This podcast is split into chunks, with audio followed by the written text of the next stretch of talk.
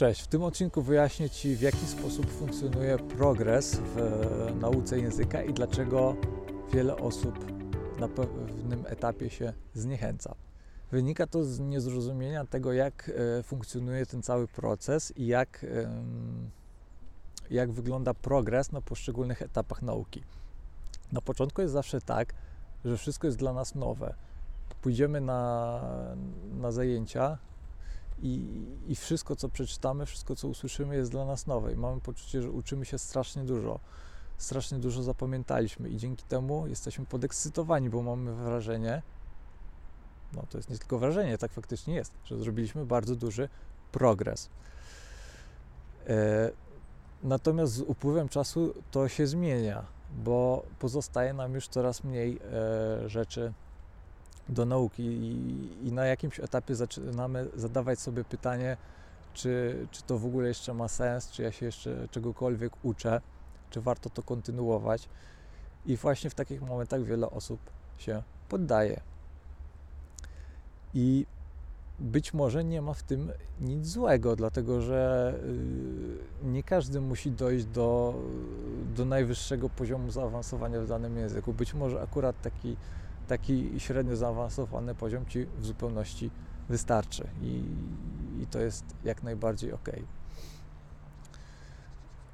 Ale co zrobić wtedy, kiedy masz trochę większe ambicje i kiedy czujesz, że ten język nie jest jeszcze na takim poziomie, na jakim byś chciał, a wiesz, że y, nie robisz wystarczającego progresu. Co można zrobić w takiej sytuacji? Po pierwsze, trzeba to zaakceptować, bo jest to naturalne zjawisko i tak zawsze będzie, że im dłużej uczysz się języka, tym mniejszy ten progres będzie i tego raczej nie da się w żaden sposób oszukać.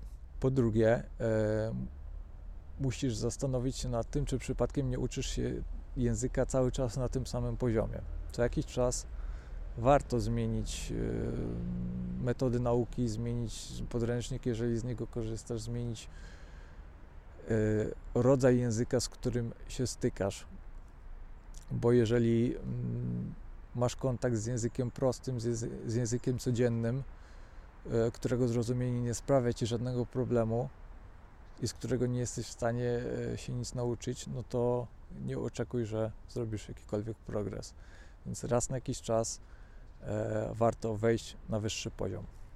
Kolejną rzeczą, którą możesz zrobić, jest zwiększenie intensywności jeżeli y, załóżmy progres jest dwa razy mniejszy niż był kiedyś, tego oczywiście nie da się policzyć, no ale załóżmy, że jest dwa razy mniejszy, to jeżeli y, poświęcisz y, na naukę dwa razy więcej czasu i będziesz się uczyć w odpowiedni sposób, możesz w pewien sposób zniwelować ten spadek progresu i wciąż uczyć się mniej więcej tyle samo co kiedyś. I ostatnią rzeczą, która przychodzi mi do głowy, jest e, zmiana metod nauki.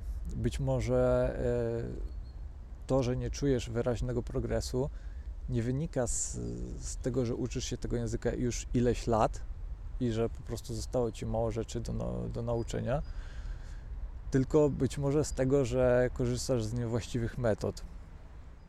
Zastanów się nad tym i. Yy, możesz wrócić do poprzedniego odcinka, w którym mówiłem na temat różnorodności w nauce języka. I tam podałem kilka przykładów, mm, które być może dadzą Ci do myślenia i które wykorzystasz.